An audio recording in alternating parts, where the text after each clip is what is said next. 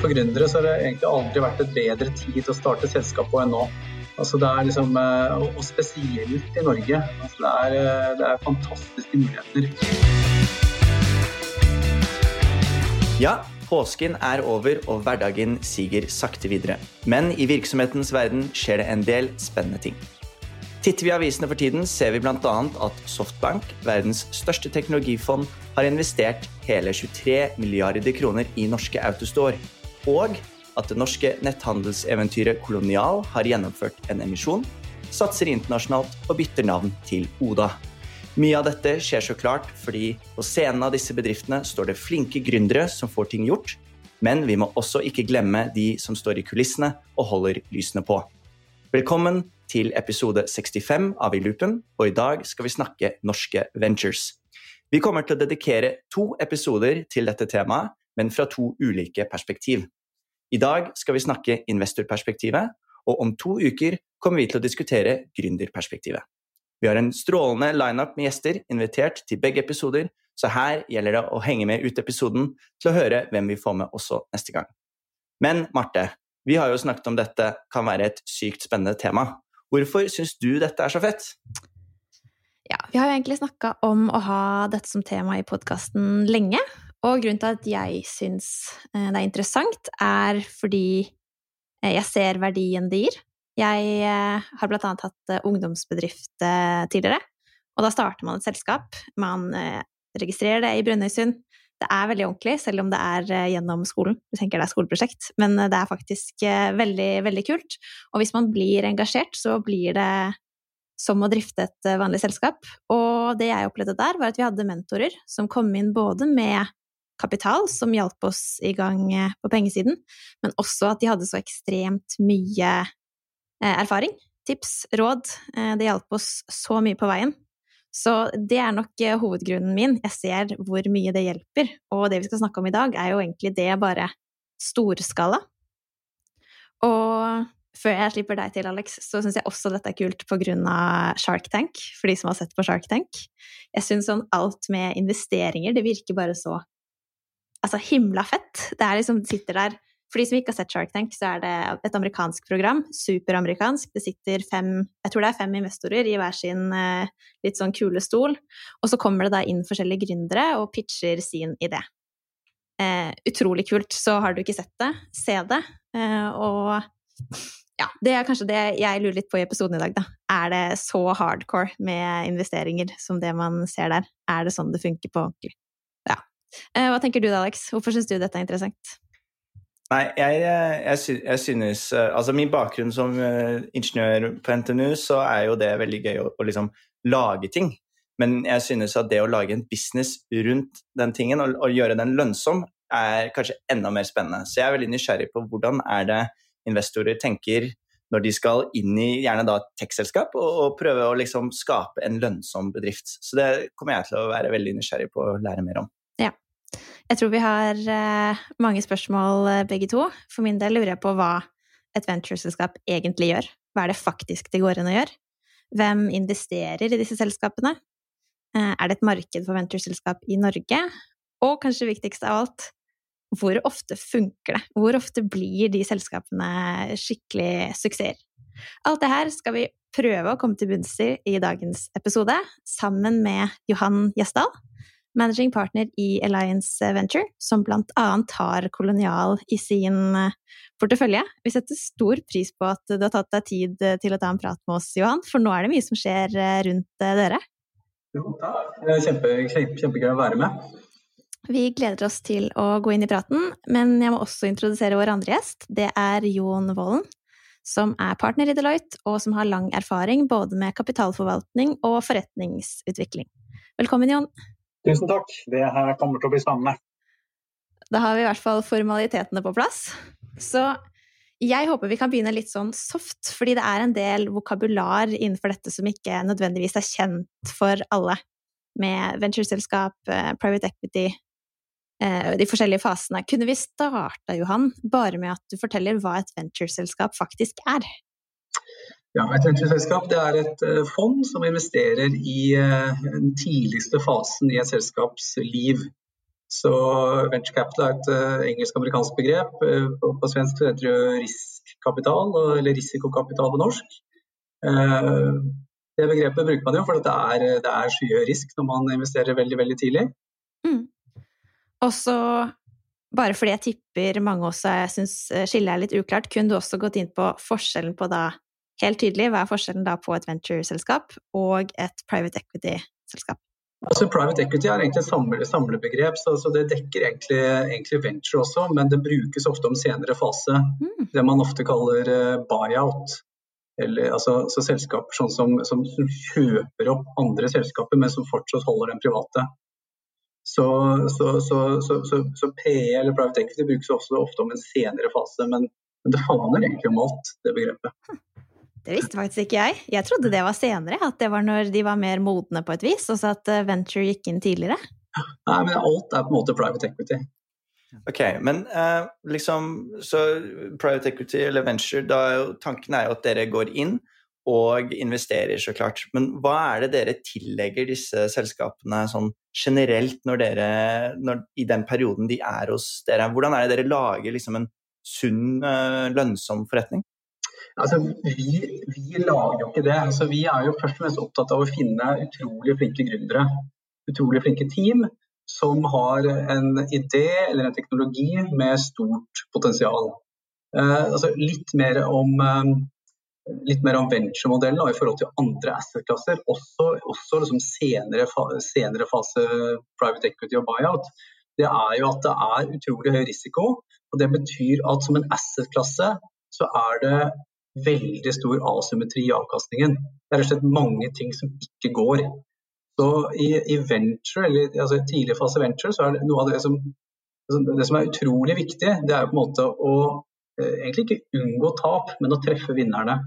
Altså Hvis du har en portefølje på 10 eller på si, si 20 selskaper, så, så, er det det aller viktigste er at en del av dem blir ordentlig, ordentlig bra. Sånn som Kolonial eller Oda nå. da. Det er, eh, det er liksom eh, det er utrolig viktig. Men det er vel sånn at dere bruker ganske mye tid på de investeringene, de selskapene dere har, eller? Hvordan, dere er vel seks partnere i Alliance, og er vel, dere er vel tett på, er dere ikke det?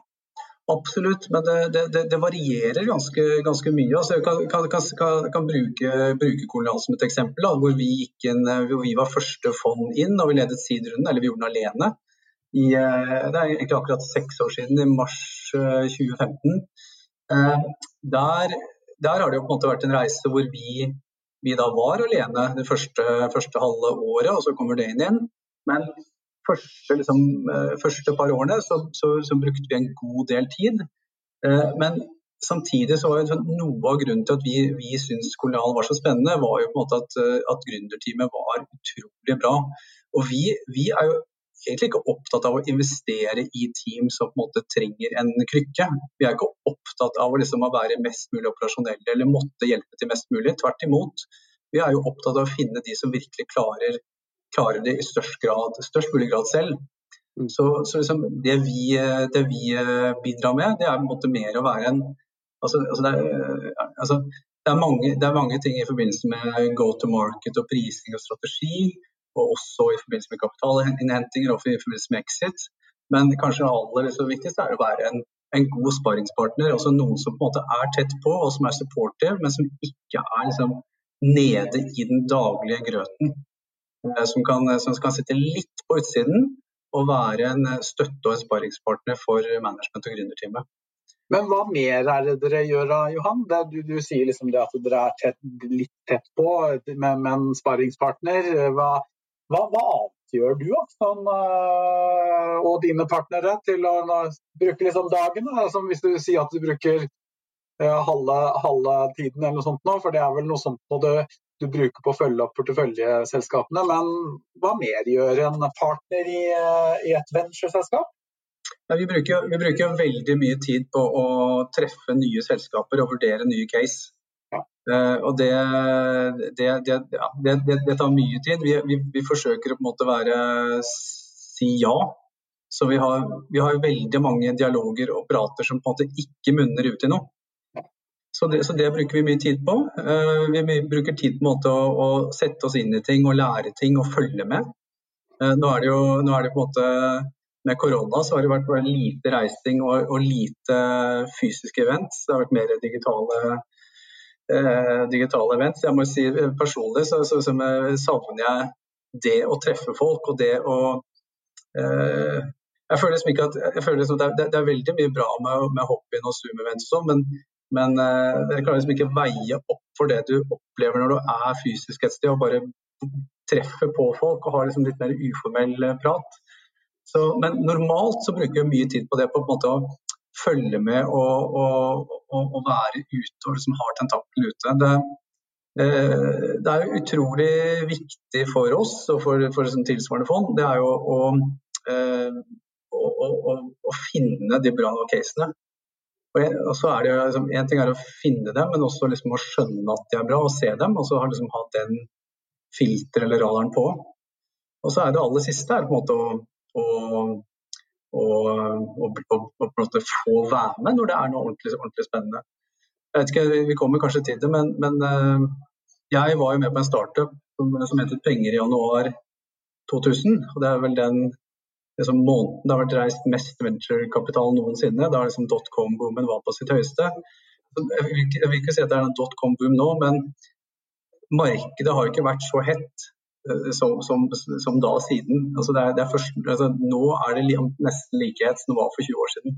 Det høres ut som dere har ganske eh, varierte dager da, Johan, eh, i, den, i denne tilværelsen. Eh, dere skal jo være nysgjerrige, dere skal finne de riktige tingene. Det er, det er mye dere skal passe på da, og, og se at, dere, at, et selskap faktisk kan lykkes med også. Og det, det, må jo på en måte ha en, en, en forretningsidé som dere faktisk tør å investere i, der du faktisk har noe som er relativt rasjonelt også.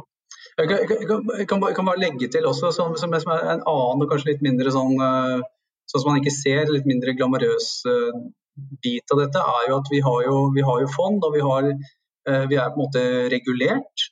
Så det er på en måte krav til Og vi har investorer, så, så vi, vi, bruker også en god del tid på en måte å, å være compliant og rapportere og passe på at vi gjør ting, ting riktig. Og så server investorene våre. Så, så liksom den biten av jobben er jo også veldig viktig. Vi, vi server på en måte to si, kundegrupper. Da. Det er jo investorene i fondene, og det er gründermanagement i porteføljeselskapene. Og det er viktig liksom, og den, den, andre biten er også viktig. Eh, liksom, altså, hovedmålet, formålet med det vi driver med, er jo å, å skape avkastning for investorene i fondene våre. Det er jo det er, måte, det er målet med det vi driver med. Det, så det er viktig også å passe på at uh, investorene er happy. Vi skal til, komme tilbake til litt investorene etterpå, hvordan dere faktisk skaffer pengene til fondene deres. Men hvis vi bare før vi runder av denne første sånn 101-introen, hva, hva hadde alternativet til dere vært for et gründerselskap? Altså, hva, hva, hvor er det de burde ha hva, annet kunne man ha gjort, bare for å sammenligne dere mot noe? Ja, altså For et gründerselskap som, som, som skal hente penger, ja, som skal og vokse? Ja, altså det er, det, er, eh, det er, alternativer, men det er, ikke, det, er ikke, det ikke, noe sånn at de er, liksom, utelukker hverandre. Men jeg tenker at det man, man, eh, i hvert fall burde gjøre, er å forsøke å få den offentlige støtten man kan. Og Det er typisk Innovasjon Norge, Forskningsrådet og også EU-programmer. Det er jo mye av den støtten, eller mye av den, de, de, den kapitalen man kan finne der, er jo, er jo støtte. Altså, sånn det er ikke utvannende for, for gründere og eiere. Så, så liksom, det burde man i hvert fall prøve å, å hente det man kan der. En, en ting som måtte måte, bare blir mer og mer av, som er veldig veldig bra, det er jo at det er, det er, er flere privatpersoner og engler som investerer i, eh, i tidlig fase. Og det, eh, altså det, altså, det, er heller ikke istedenfor, men jeg ofte tenker i, i, i, tillegg til eller i forkant av at du får inn et fond. Det å få med seg flinke eh, engler som er også validerende, altså som er personer som kan noe om bransjen du driver med, og som putter penger på deg som gründer, det er, det er veldig Det er kjempe, kjempebra. Så det er både validering i forhold til marked og, grunn, og, og, investorer sånn som oss, og det er masse å lære av den type, den type mennesker. Ja, så kan vi sikkert, Når vi kommer liksom lese senere det veien, så kan vi komme til å prate om Euronex Growth og sånn, men det er, liksom, det, er, det er ikke det er ikke seed eller pre-seed eller liksom tidlig fase A, som vi kaller det. Det er hvor vi opererer. Det er senere.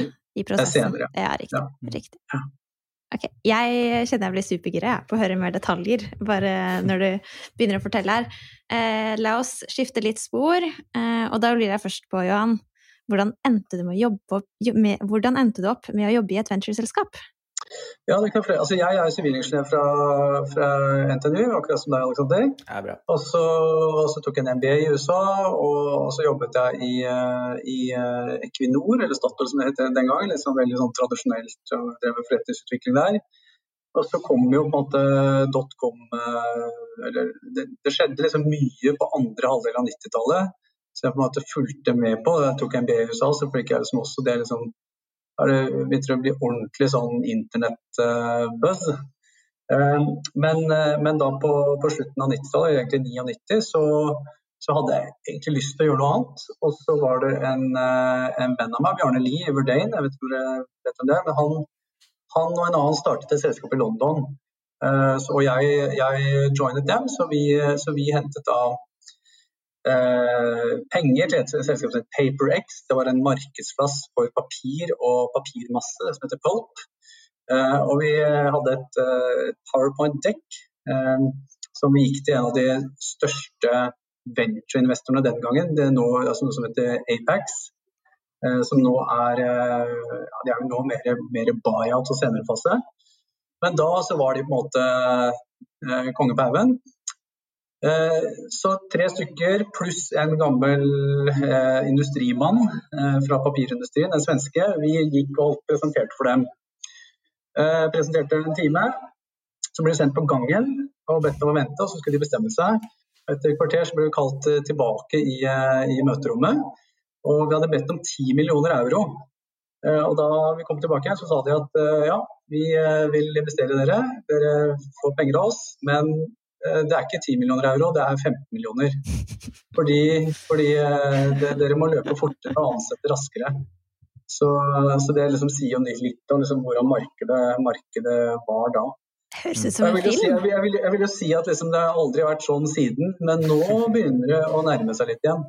Men Johan, det der høres ut som en scene fra en film. Altså, Har det der virkelig skjedd? Ja, det var liksom scene fra en film. Vi, vi, vi, gjør jo ikke sånn selv. altså, sånn at du, du, du, altså, det, er, det, er, vanligvis liksom litt mer prosess rundt det. Det var det jo her også. Mm. Uh, men der var, det, der var, det, jo litt sånn mer at du fikk liksom uh, svaret på direkten. Du kjenner det på pulsen når du går ut og venter der? Hæ? Absolutt. Absolutt. Ja. Ja, nei, Det er vel det nærmeste vi kommer Shark Tank eh, der, Marte.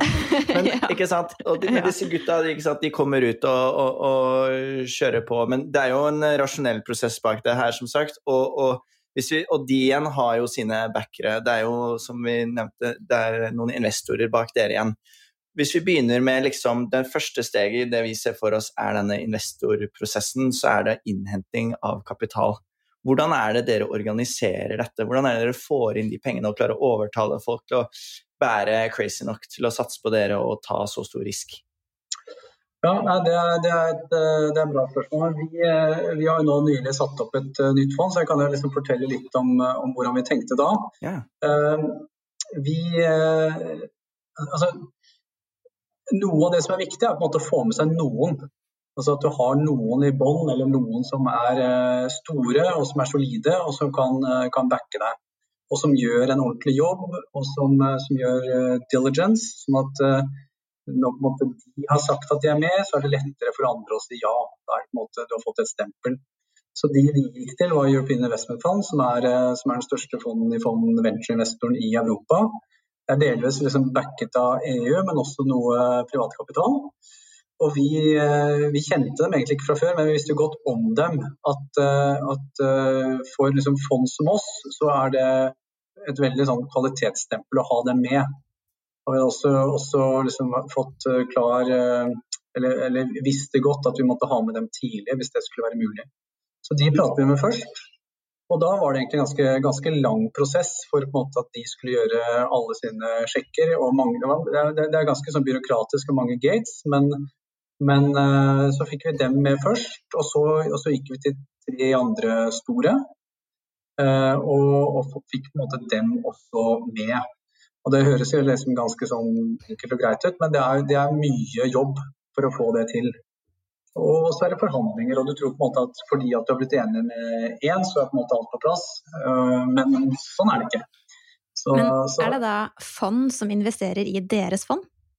Ja, dette, dette, er, dette, er, dette var det pluss altså KLP er vel mer det, hva si, pensjonsselskap, forsikringsselskap. Riktig. Så det er ikke... Men de andre, andre av de store er, var, var, fond i fond. Men det, dette varierer jo fra, fra, fra miljø til miljø og liksom hvem, hvilke kontakter de har og hvem de, de får med seg. Men det er, det er typisk fond i fond. Det kan være family offices, det kan være endowments og også f.eks. disse store eh, universitetsendowmentsene i USA. De er store investorer i, i, i private equity og venture. Um, og så kan, kan, det være mer privatpersoner. Og, altså vi har jo med oss mange gründere, tidligere gründere og tidligere ledere executives fra norske tech-selskaper som, eh, som, som, mindre investorer i fondet. Og det, det syns vi er eh, kjempebra og validerende. Og også eh, Jeg tenker at det de, de, bidrar jo også, i hvert fall eh, i, i, i liksom enkelttilfeller, til å hjelpe oss mot porteføljeselskapene også. Det er såpass mange og det er såpass liksom, bred kompetanse og profil i den investormassen at det nesten alltid er noen vi kan spørre eller trekke på når vi gjør investeringer.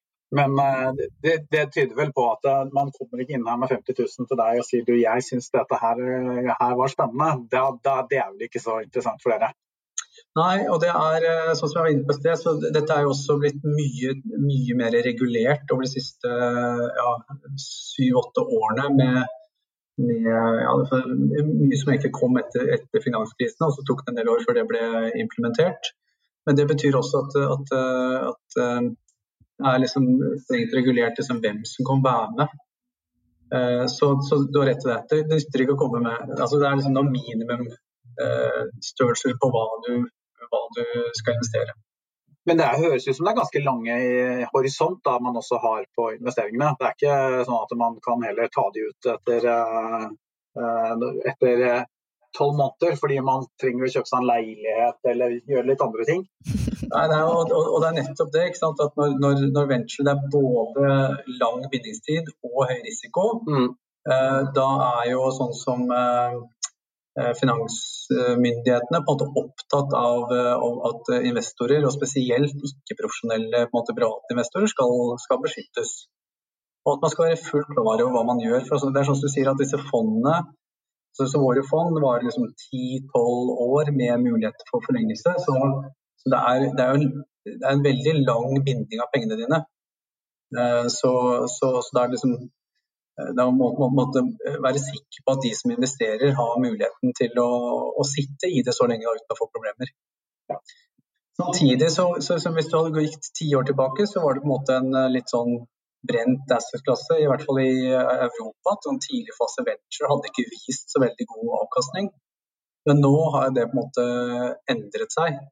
At uh, det har faktisk vært uh, altså I USA så har det vært liksom ganske bra veldig lenge, mens nå i Europa også så ser det bare bedre og bedre ut. Og det, det, det trekker vel liksom litt det som har skjedd liksom det store kapitalmarkedet. at Hvis du går 10-15 år tilbake, så var de virkelig store selskapene i verden det var rolleselskaper og, og banker. Mens nå er det, nå er det tech-selskapene som, eh, som, på en måte er de største.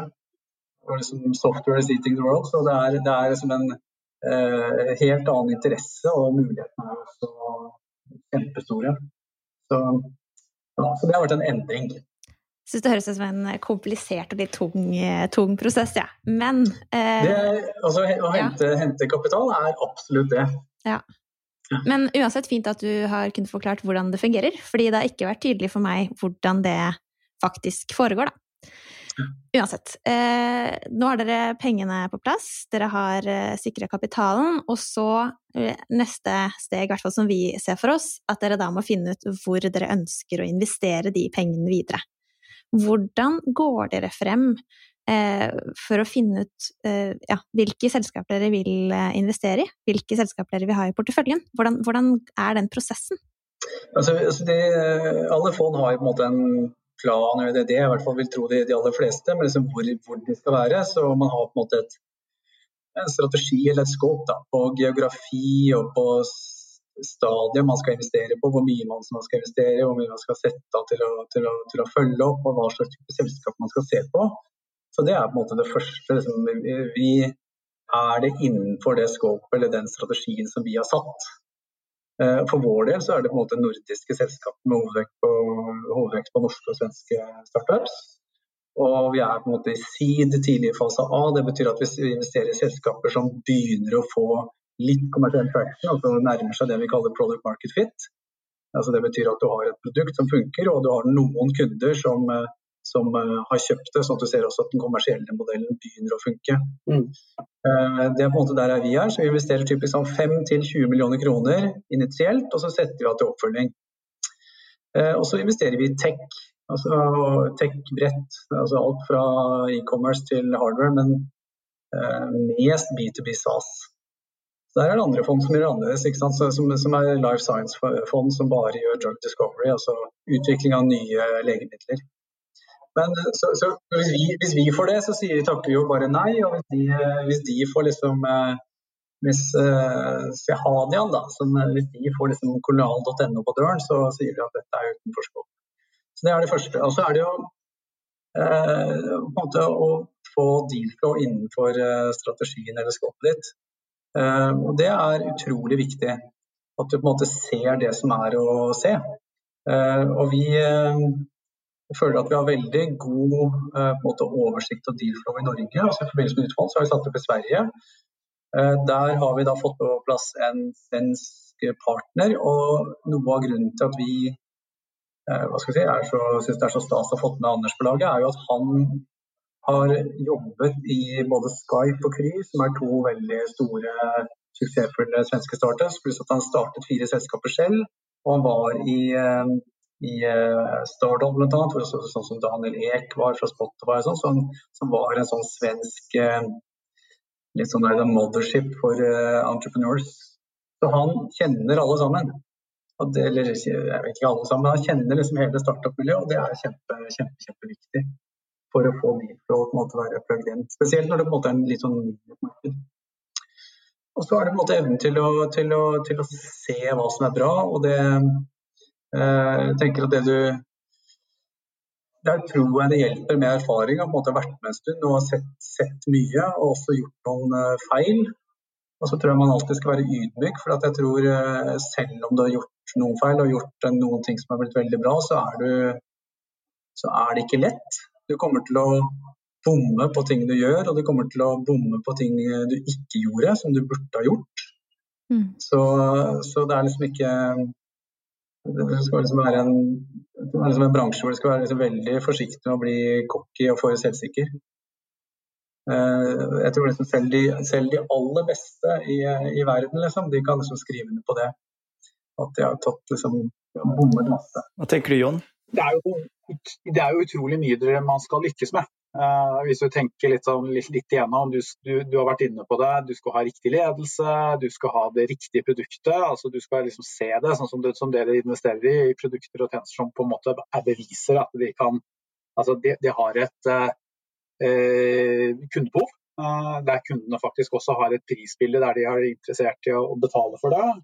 Eh, du skal ha en produktutvikling og en evne til å utvikle produktet som skal gå riktig. Du skal, hvis du investerer i, i, i hardware-produkter, så må du på en måte ha en produksjon og du må ha en sourcing som fungerer.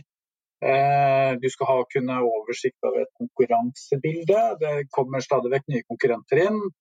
Eh, og ikke minst patenter. Dere har jo nylig sett at det har kommet noen diskusjoner opp på patenter på, på dette Autostore uh, som har vært i media. Du var vel litt inne på det innledningsvis, um, her, Alexander. Um, men hvis du begynner å si sammen det, så har du liksom i hvert fall åtte dimensjoner uh, du, skal, du, skal, lykkes med. Uh, hvis du tenker på at det er ålreit, som du sier, da, det, du lykkes ikke med alt, og det er fare for at du går feil. Hvis du sier at du lykkes med så det er sannsynlig for 80 da, på alle de dimensjonene, og så gjør det litt tabloid og litt enkelt, så kan du jo si det at ja, ja, da har du 17 sannsynlighet da, for å lykkes. Um, er du veldig, veldig god, så, så, så, feiler du kanskje bare på 10 men det er jo svært få som er, og da kommer du opp til 43% sannsynlighet. Eller du, du, du, faller ned på én som du, du, virkelig snubler litt i. Du, du plukka den feil lederen som ikke viste seg å være så god som han trodde han skulle være, eller hun.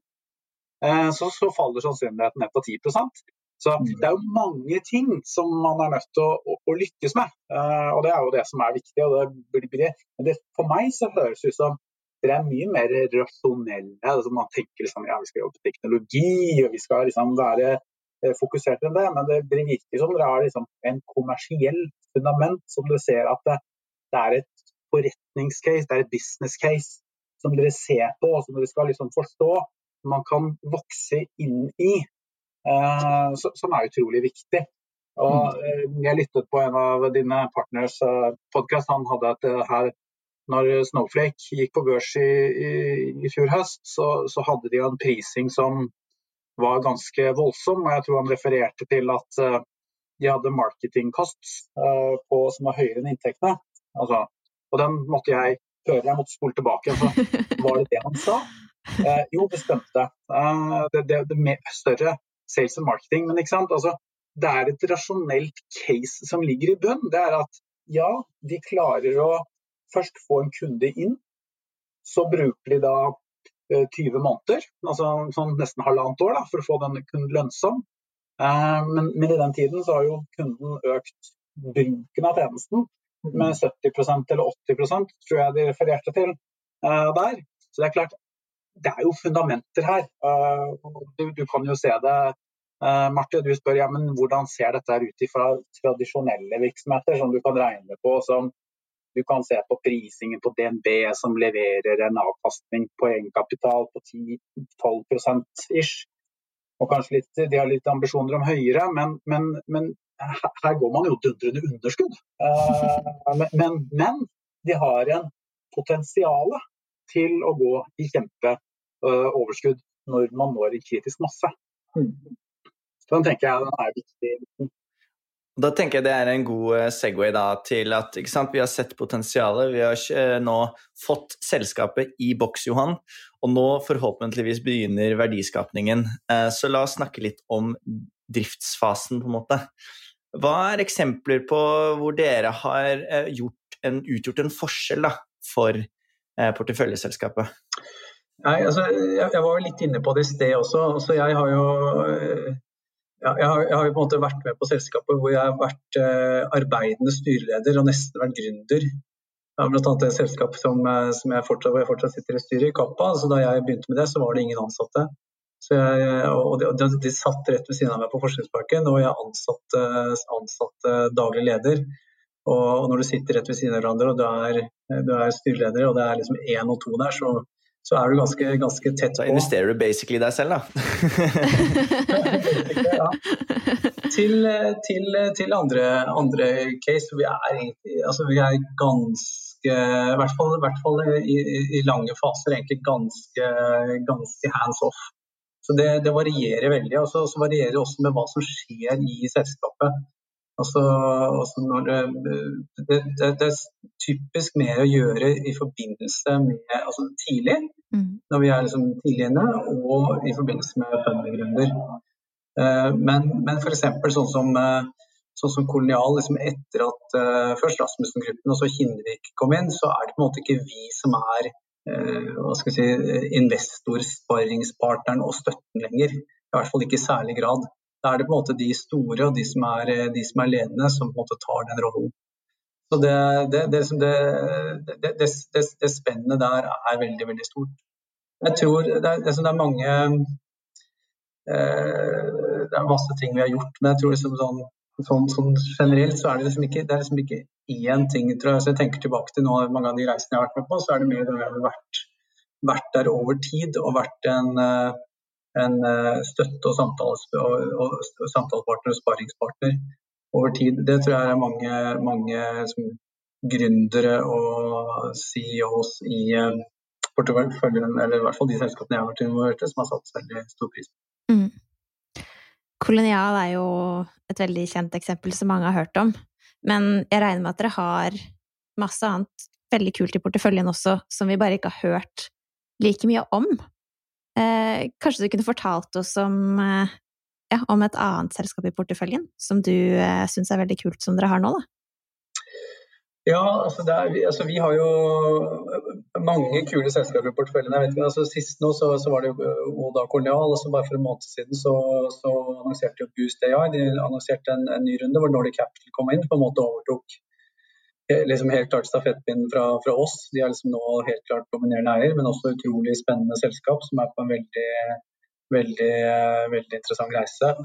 Men uh, vi, vi, mener jo at vi liksom ser Eh, mange unicorns i porteføljen vår.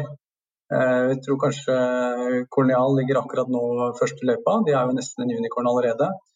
Men jeg kan jo nevne, nevne, nevne par selskaper. Altså, vi har et selskap som heter Sanity.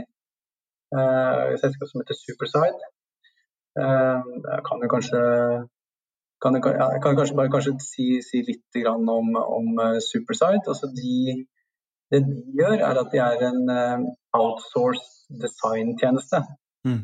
Altså hvis, hvis, du er et stort selskap som kjøper mye designtjenester, så istedenfor å gjøre det lokalt til høye priser, så kan du bruke Superstyle um, som, uh, som sourcer designtalent i andre land med lavere kostnader. Mm. Så det er outsourcing av design?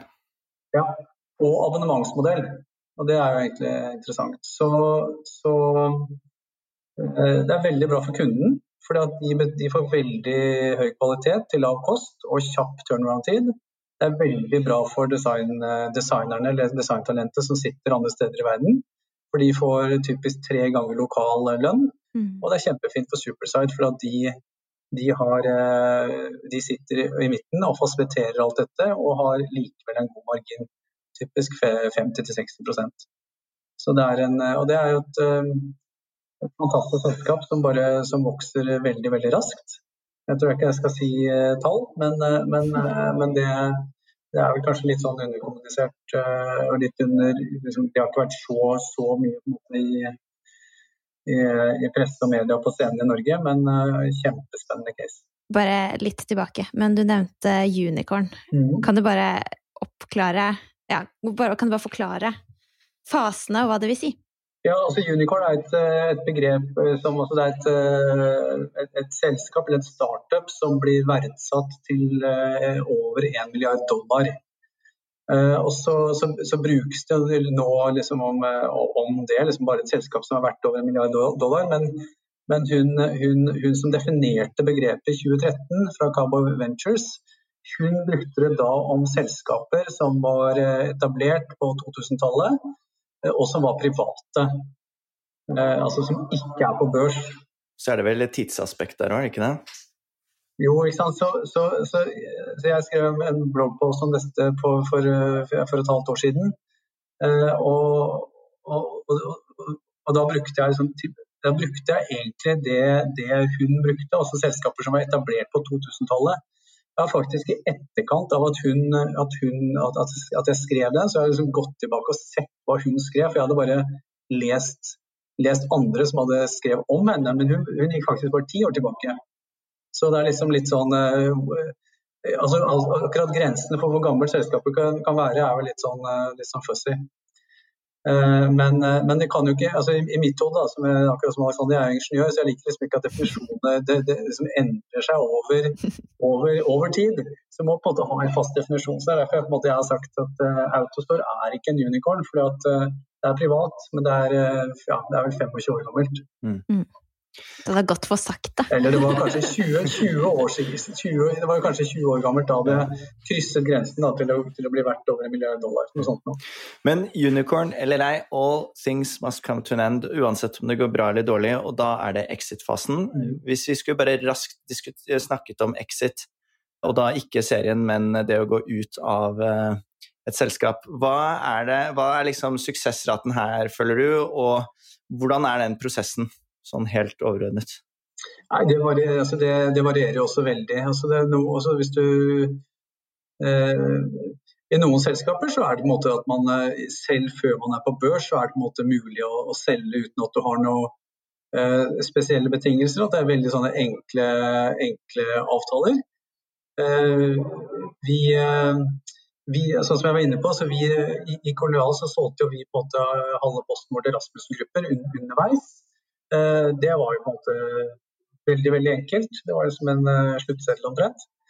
Eh, mens andre ganger er det jo superkomplekst. Det tar utrolig mye tid. og liksom, Det tar tid enn det, enn å liksom gjøre avtaler. Det tar kjempelang tid å få oppgjøret, og det kan være earnout. Så, eh, og, ja, så, så, så eh, annen, altså, det som er blitt mer og mer aktuelt nå, jo, eller de siste årene blitt mer aktuelt igjen, kan si, er, jo, er jo, børs.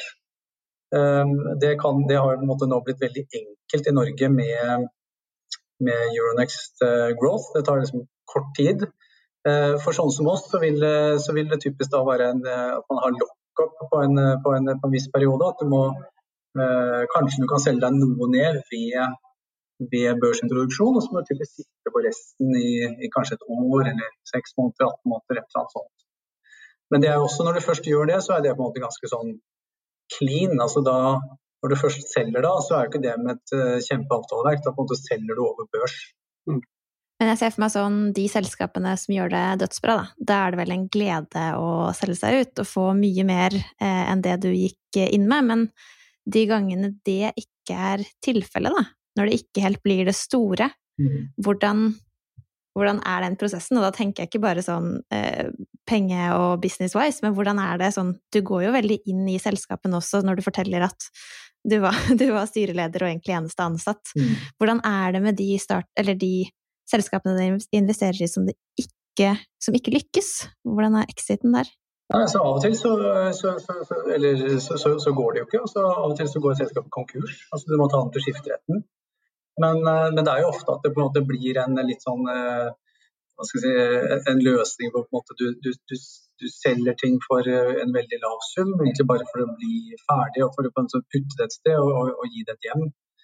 Men øh, av, av, og til så er det, så er det på en måte investorer som, som selger tilbake til gründerne. Øh, sånn at øh, vi sier på en måte at dette, dette dette har vi på en måte ikke tid til, eller dette, dette tror vi ikke går. så liksom, uh, Dette ble ikke liksom en venturereise, men det kan kanskje være en grei reise for dere uansett. så liksom, her, her, får dere liksom aksjene tilbake billig, så lykke til. Mm. Men uh, som uh, hva skal jeg si, bank i bordet, i hvert fall det siste, altså det siste, siste fondet vårt, eller nå blir det liksom nest siste, altså ikke det vi investerer fra nå, men så, så, ser vi, så har vi hatt si, noen sånne ting som har bare blitt mer eller mindre altså mellom null og 1x, da, at du får til, liksom ikke får tilbake pengene dine. Mm. Men uh, ellers så ser, er det veldig veldig mye som ser veldig veldig bra ut. Så, så sånn sett, og, og, og, det er også um, det er også selskaper som bygger verdi over tid. Det er veldig veldig liksom, eh, klart å se at uh, lenger man sitter, jo større blir verdiene. Uh, så, vi, så, når vi da har tid i fondet, så ønsker vi på en måte å bli uh, til, eh, til liksom de virkelig store verdiene materialiserer seg. Eh, og vi har jo fortsatt, fortsatt god tid til det, så da, da, gjør vi det. Nå har vi gått gjennom hele prosessen fra A til Å, Johan. Men Jon, hvis du skulle ta, gitt noen refleksjoner av denne prosessen, har, har du noen kommentarer som du syns er spesielt viktig at vi får med oss igjen av denne venture capital-prosessen, Jon? Nei, jeg tenker vel på at det er, altså Akkurat nå, som Johan har vært inne på, er at det, vi, vi, er litt oppe på og, og 90 på en høyde igjen. Uh, og, og, Man må liksom tenke på at her er det perioder. Men vi ser jo det at eh, det, det er mulig uh, å være gründer og få med seg venture capital-fond. Uh, og, og, du kan lykkes. og man får med seg en kompetanse og en innsikt som er viktig Eh, for, for eh, en gründer å få med seg. At man ikke bare får noen som er på, på ryggen din og henger over deg og, og, og, bare skal gjøre det, men du øker kanskje sannsynligheten din for å lykkes eh, når, du, når du gjør det. og det er vel det som, som, som er det viktige. Det er å ha tilgang på den kompetansen du ikke sitter på selv. Det er liksom det som er det viktige, tenker jeg, i, i Nyter. Og det er, det er, nok veldig mange som skulle kanskje ønske da, de var flinkere til å uh, se etter uh, noen som kan bistå seg på seg selv, uh, på sine svake sider. det er det jeg liker å, å, ofte se på. Og se til de som faktisk har evnen til det. Så jeg tenker også at nå fremover så kommer det til å bli spennende å se om vi klarer å få noen nye kolonialer, vi får en autostore. Det, det, det, er mange andre som jeg tenker er, og, og, vi har mange flinke eh, som blir utdannet, og som på en måte er ivrige til å, å, liksom, til å skape noe. Og Det er det vi som samfunn også må tenke på i forhold til eh, fremover, og ha noe å leve av fremover. Fordi denne oljen den eh, kommer til å ta slutt på et eller annet tidspunkt. Bare en kommentar, altså selv, om, selv om jeg måtte sammenlignet hvor hett markedet er nå med, med dotcom, at liksom, det har ikke vært så, eh, så hett siden, så, så, så, vil jeg si at liksom, eh, fundamentet er et helt annet i dag. Altså det, er, det er mye mer substans bak verdiene i dag enn det var for 20 år siden. Mm. Så, sånn sett, som en sånn uh, boble, vil jeg absolutt ikke sammenligne. Altså, i dag, altså, er, selv, om, selv om multiplen er høy i dag, ting er, du kan si at ting er liksom høyt priset, så er, det, så er det mye mer substans bak det. Mm. Ja. Og med de kloke ordene så tror jeg vi må runde av der. Vi må nesten ta en kjapp runde på hva er din nøkkel-takeaway før vi runder av. Tiden har fløyet fra oss. Hvilken nøkkel-takeaway ønsker dere å presentere? Johan? Ja, det er kanskje litt, litt sånn uh, poeng på siden men, uh, som jeg hadde tenkt på på forhånd, som vi ikke har pratet om. men du har vært litt inne på det, men det er at jeg tenker at for gründere så har det egentlig aldri vært et bedre tid å starte selskap på enn nå. Altså det er liksom, eh, og spesielt i Norge. Altså det, er, eh, det, er, fantastiske muligheter. Mm. Det, er, eh, det, er, masse kapital tilgjengelig måte, hvis man har, har, noe som virkelig er bra. Så, både liksom tidlig fra engler, det har aldri liksom vært så mange engelinvestorer i Norge. Aldri, aldri vært så, nesten, aldri vært så mye interesse. Og det er, det er mye fond, både norske og internasjonale, som er interessert. Og hva, altså Hvis du sitter i, i Norge, da, eh, hva er nedsiden? Altså, hvis du er, eh, hvis du er liksom en oppegående person, så, så, kan, så, går det ikke. da. Så får du deg en jobb. Så Sikkerhetsnettet i Norge er jo på en måte kjempebra, så du, du sulter jo ikke selv om du ikke får til startupen din. Og Det er ikke som i USA hvor du på en måte mister helseforsikring og liksom er i en, eh, at det er en kjemperisiko sånn personlig sett å starte et selskap.